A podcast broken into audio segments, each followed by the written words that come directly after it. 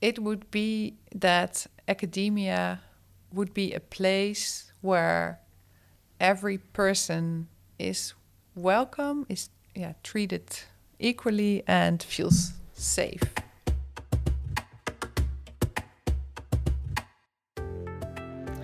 This is Out of the Box, a podcast by the Radboud Young Academy and Radboud Reflects on working in science and scholarship.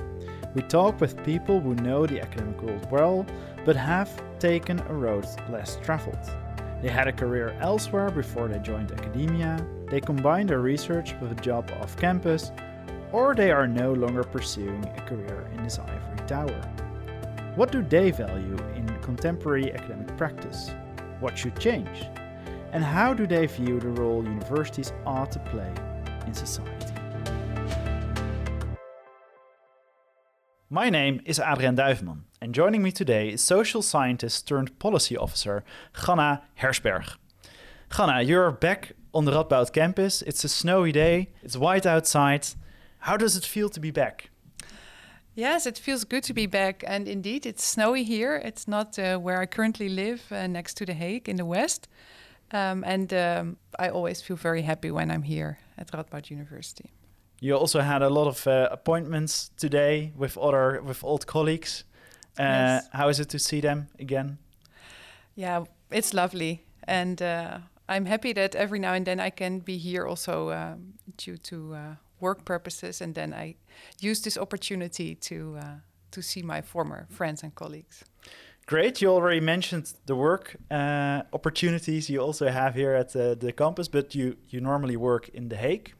There, you are a policy officer at the Ministry of Education, Culture, and Science. What does your job entail? Um, yes, I try to um, explain this as um, clear as possible because it entails multiple um, tasks, as you can imagine. Um, but as a policy officer, and the name already says it a bit, um, I I'm working on policies, policies in the field of research and uh, science, because I work in the Department of uh, Research and Science Policy, uh, and my um, the, well, the topics I work on are diversity and inclusion and social safety. These are topics that are uh, high on the academic agenda as well um, today. And uh, so, as an example, we are current, I'm currently working with colleagues on a policy on social safety. That's the word we use here in the Netherlands, but it, in other countries it can be like a healthy research culture or um, harassment, for example. So this policy will hopefully be published in March of this year, and to get to such a policy, um, we need to do a lot of like desk research ourselves. Uh, what does the literature say on this topic? What is needed in academia from what the research tells us? But also, we talk to a lot of stakeholders in the field because they experience, for example, so social unsafe situations or they uh, know from their uh, own research or own experience as a um, as a leader, for example, what what what could help to improve the the situation in academia, uh, and then by reading and hearing all these um, experiences, we step by step come to uh, a policy uh, on how to improve social safety in academia and also education by the way it's so it's education and research so we also talk to students um, because it's it's a big societal issue but also uh, it's not only academia but also in higher education uh. so the term policy can sound a little bit vague mm -hmm. to make it more concrete what kind of product can listeners envision here is it is it a document a letter to parliament what is it? In this case, it's a letter to Parliament. Uh, I think it will be a long letter um, that, first of all, also paint, paints a picture of the, the situation and the problem, uh, and then what the minister is going to, to do about it, because he has um, reserved also he has reserved money um, to invest in enhancing the the, the situation, the, the safety situation, um, so he can really do something about it. And um, we, of course, as want to engage the entire field. Um, so he he will uh, propose the solution that um, yeah that he thinks will help on a natu- national level the social safety situation in the Netherlands because I think that's a difference. There, the individual uh, universities and um, universities of applied sciences are already working on this topic a lot.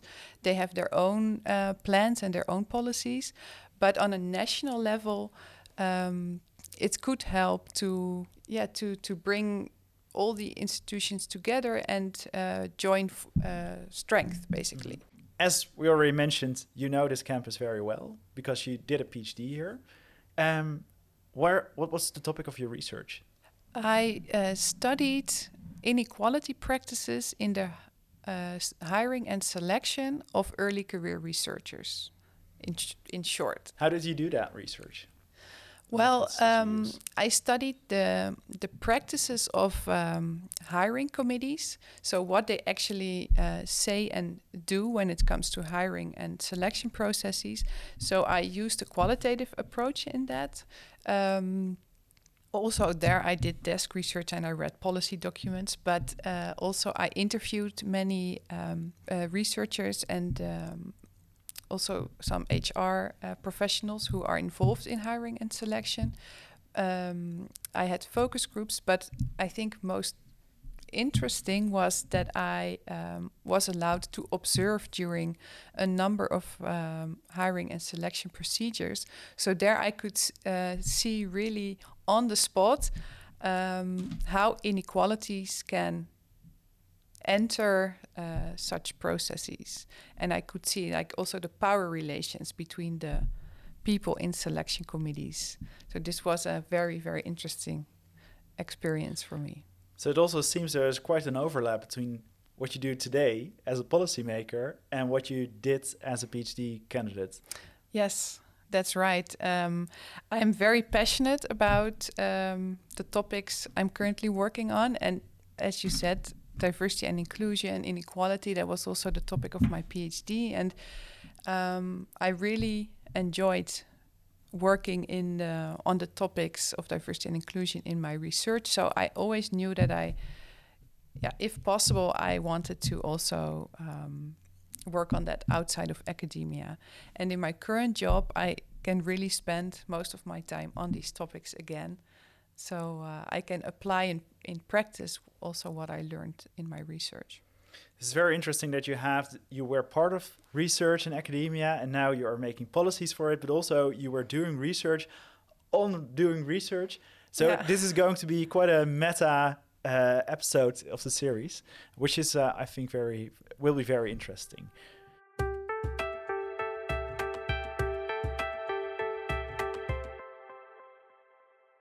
Before you started working at the ministry, you were a policymaker also for the Dutch Research Council. What surprised you when you started working in such a governmental organization? What was different about the work environment? Well, interestingly, I had a conversation about this recently with another uh, PhD candidate, and together we, I think, came to one of the biggest differences. Um, because when you're doing research, uh, you're an expert and you when you talk about your research you speak on behalf of yourself basically. But when you move to an, another or to an organization um, most of the time you speak on behalf of this organization. And the things that you do or want to develop um, need more uh, internal discussion i guess. And you have to check you to better check whether it fits also the strategy of the organization, for example, and the, the way that the organization is heading to. So in yeah, and in your research, it, it's uh, that's really different.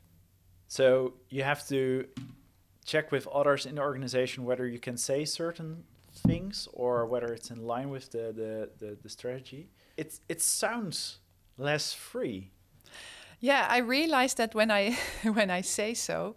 Um, maybe that is the case in a way, but I experienced that quite soon you become part of this organization and um, yeah, you find a way to be yourself in an organization which is which has its own um, well strategy. And you of course in every organization you can you can also find ways to to make changes if you don't agree with certain direction it's it's uh, it's going into but yeah i think maybe we do not realize enough when we're working as researchers how much freedom we actually have on a daily basis that's interesting so but but you also you maintain some kind of autonomy within the organization, even though the message you send to the outside world is is is um, harmonized with the line of the uh, of the ministry or the governmental organization. Mm-hmm. But in that organization, there's still a level of autonomy. Are there other differences you can pinpoint when you compare academia and and organ governmental organizations? Well, I speak from my experience as a PhD um, researcher. Uh, and one big difference that I experienced when moving towards the Dutch Research Council and also now within the ministry is that um, my agenda currently is um, much more fully booked. Mm-hmm. Uh, as a, a, PhD candidate, I, I could have days where it was just, you know, me and my research. And uh, I didn't have that many appointments um, and, and meetings and uh, yeah, when when uh, now working outside of uh, of academia, I have a lot of meetings. I have also um, like multiple topics I'm working on, um, so I have to switch more often between different uh, topics. Whereas in my research, you know, it was this one big topic I was working on. So I think these are differences, but this might, of course, be different for assistant professors or associate professors. They, I think, they they also experience um, full agendas with many meetings. But as a PhD, yeah, this was not the case. Do you enjoy these all these meetings you have to attend? Yeah, I do enjoy it actually. Uh, it, it I I get energy from uh, from having meetings. Yeah. So was this actually something you missed then during your PhD? Um, no, because I did um, have a lot of like informal um, meetups with my fellow PhD uh, candidates. So I, because I yeah I do need uh, contact with with other people, um, but I, as I said, I did find that with my fellow PhD candidates, for example. So there was a lot of social contact, but not that uh, in a way that it was by scheduled formal meetings. I see. You make made the, the choice to to move to the policy world, moving away from academia into the policy world. What were the pull factors that drove you to that decision? Um, I think well, one of the main things was that I could apply in practice. Um, yeah, what what research uh, yeah what research is uh, showing so also my own research findings but of course there's also uh, a lot of other important research being done that uh, that is very very valuable when it's applied in practice. So this translation i really enjoy.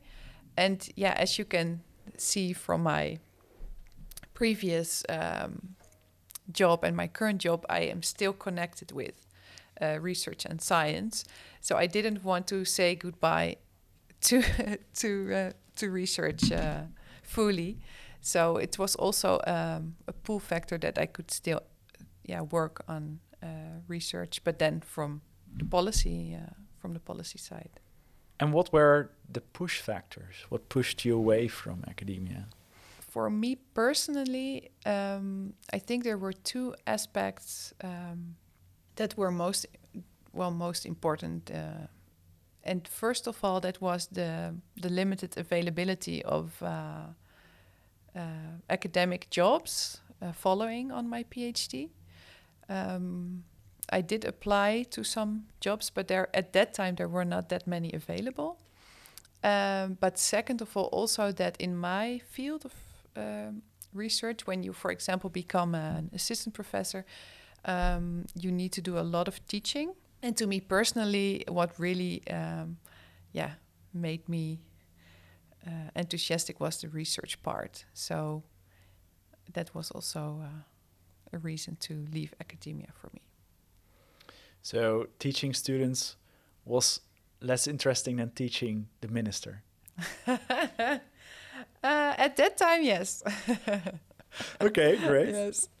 As an employer, what could the university learn from the ministry or other governmental organizations? Well, from the ministry I'm currently working uh, working in, um, I think what they do really well is that um, what they ask from the field, so from the education and the culture, uh, cultural um, sector, and also from science, like what they ask from them, they also want to do well uh, within their own organization. So to make to give an example, when it comes to social safety that we spoke about before, um, now there's this there will this policy. Um, um, this policy is coming up, but they also look into their own organization, um, yeah, what they should do about uh, social safety, for example, and also when it comes to diversity and inclusion. And within my ministry, when I look around, um, I see this diversity of people um, more so than in in academia, for example. Diversity of people. Yes, so uh, um, it's more a reflection, I think, within the ministry of the of the society, the, the people that you see walking around, that you mm -hmm. see mm-hmm. working there, then it's within universities. The universities are often criticized that they are not really diverse um, when it comes to um, gender, but also when it comes to um, yeah more ethnic diversity. So I think that the ministry is doing that well. Mm-hmm. And there's a lot of research being done in universities on this topic. I mean, I was part of a research group that studies that a lot, but why does it not yet um, reflect uh, within? indeed, your so your your uh, PhD thesis is indeed on these exclusion mechanisms, especially for women, but also you, you point to other intersectional uh, exclusion mechanisms. How does the ministry then overcome these problems? Why does the ministry manage to do what the university doesn't? I don't know the exact answer, but what I think is that they hire more um, people that can work on these topics um, so that they can really make make a change within their own organization. So they they put it on the agenda and then they also create the positions to really make a change happen. That's a guess. I don't mm-hmm. know it for sure. Yeah. Okay. So that's something that the university could learn from from the ministry but uh, also other governmental organizations. What could the ministry learn from the university? Well, one thing that um, that comes to my mind, but also this is a guess, mm-hmm. is that um, maybe the government can look more uh, internationally, because in in academia this is really you know happening on a daily basis a lot of international collaborations and i know for example in my department there's also a team uh, on on uh, like European relations and also global. Uh, they look globally, but I don't know how this is in other um, departments that are not, you know, like my department working on on science and research. Um, and I think there's a lot to learn also from other countries um, when it comes to good policies and good good practices. And and academics are more internationally uh, oriented. oriented. Yeah. Why is that? Do you think? Because research is an yeah international endeavor. Um, even if you study a topic uh, within the Netherlands, when you go to conferences or um, yeah, even maybe in your own department, you encounter people from other countries and uh, yeah by meeting them and hearing about their research, you broaden your your own uh, national perspective. And the government is more nationally oriented because it is a national government. Yes, but that doesn't mean that you cannot um, learn from other governments Mm. um, and also adapt adopt their good practices, for example.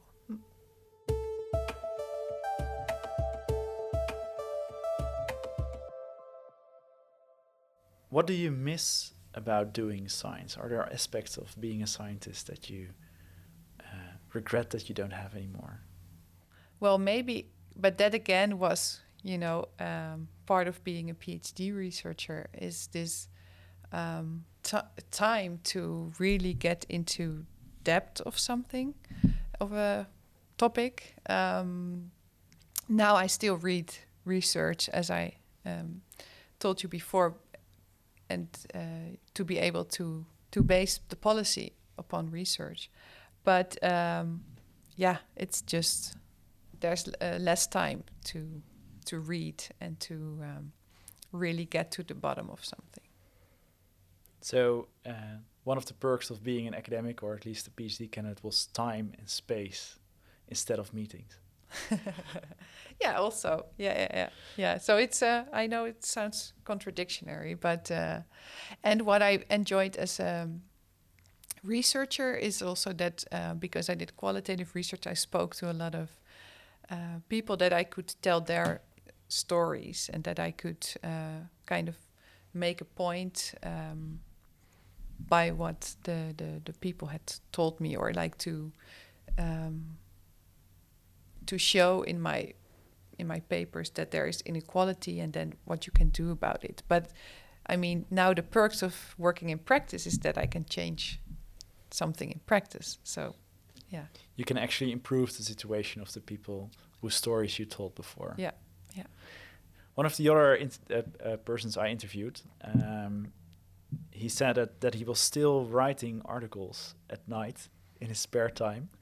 And I know that you also do that. Yeah. Uh, why is that? Well, I thought of that on the way here, and so first, first thing really is to to tell the stories that I think are important, the stories of the the participants in the research. Um, and second of all, I really enjoy the the collaboration with other researchers. And um, you know, within my PhD, there was this pressure on on writing the articles and also to to manage that in a certain time frame and now this pressure is is gone. So it's really more of a hobby now than uh, you know yeah something to perform. Uh, and also as a phd i was the phd candidates and there were my supervisors and there is this um, yeah certain relationship and now i'm on equal footing with the the colleagues i uh, still write articles with. And this also feels really nice. So i can write a bit and then they also do a part and you really um, it's a really co-creation um, yeah on an equal basis basically. Do you still regard yourself an academic?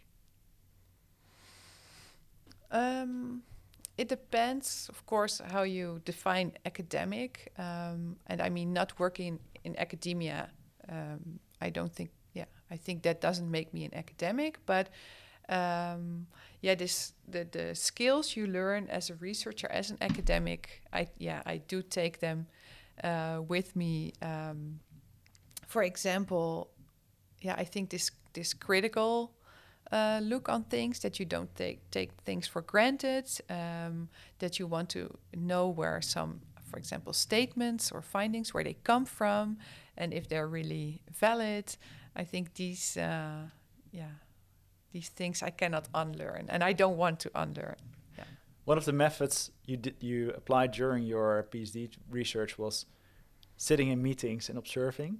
Now you all also sit in a lot of meetings, but then as a, a um, someone who was participating, but is the, the observer also still there? Yes, absolutely, absolutely. I mean, people have always fascinated me, uh, and they still do. So in meetings, um, yeah, I also cannot uh, shy away from observing, for example, power relations or uh, certain styles of, of communicating. Or, yeah, I I like doing that, and maybe uh, it, it even happens uh, like naturally because uh, yeah, I've done this for a long time, and it's uh, Does that also make you a better policy officer? That's an interesting question. Well, maybe when it comes to um, like relationship management, um, because I can tell if there's something not going smoothly, for example, in communication, and I can try to solve that. Um, but also, what I learned by doing this, by doing research, is like asking questions and then asking follow up questions and really listening to what the other one is saying. And this, as a policy officer, uh, being involved with stakeholders in the field, I think, is also important, and that that can really help. Then also in, yeah, in my work. The final question: If you would have the power to change one thing in academia, what would it be? Well, since I can only uh, say one thing, it would be that academia would be a place where every person is welcome, is is yeah treated equally, and feels safe. Yeah, and that's what yeah also keeps me busy now in my work. But that's really the point on the horizon that. Uh, that I strive for. Thank you for, for being here, Channah, for traveling all the way to Nijmegen. You're welcome. My pleasure. That's all for now. Until next time. You listened to an episode of Outside the Box Reflections on Dutch Academia, a podcast by Radboud Reflects and the Radboud Young Academy. This episode was made by Lise Glas, Nora Stel, Jidde Tempels, and Adriaan Duiveman. Sarah Dans and Jelle de Vries were in charge of production. Editing was done by Esmee Moren, the music was composed by Tommy van het Hoofd, and the artwork was designed by Lina van Otterdijk. If you have questions, remarks, or ideas on the future of Dutch academia, let us know by reaching out to the Radboud Young Academy via Twitter or their website. Should you want to reflect further on other scientific, societal, and political affairs, then be sure to follow Radboud Reflects on social media. That's all for now. Until next time.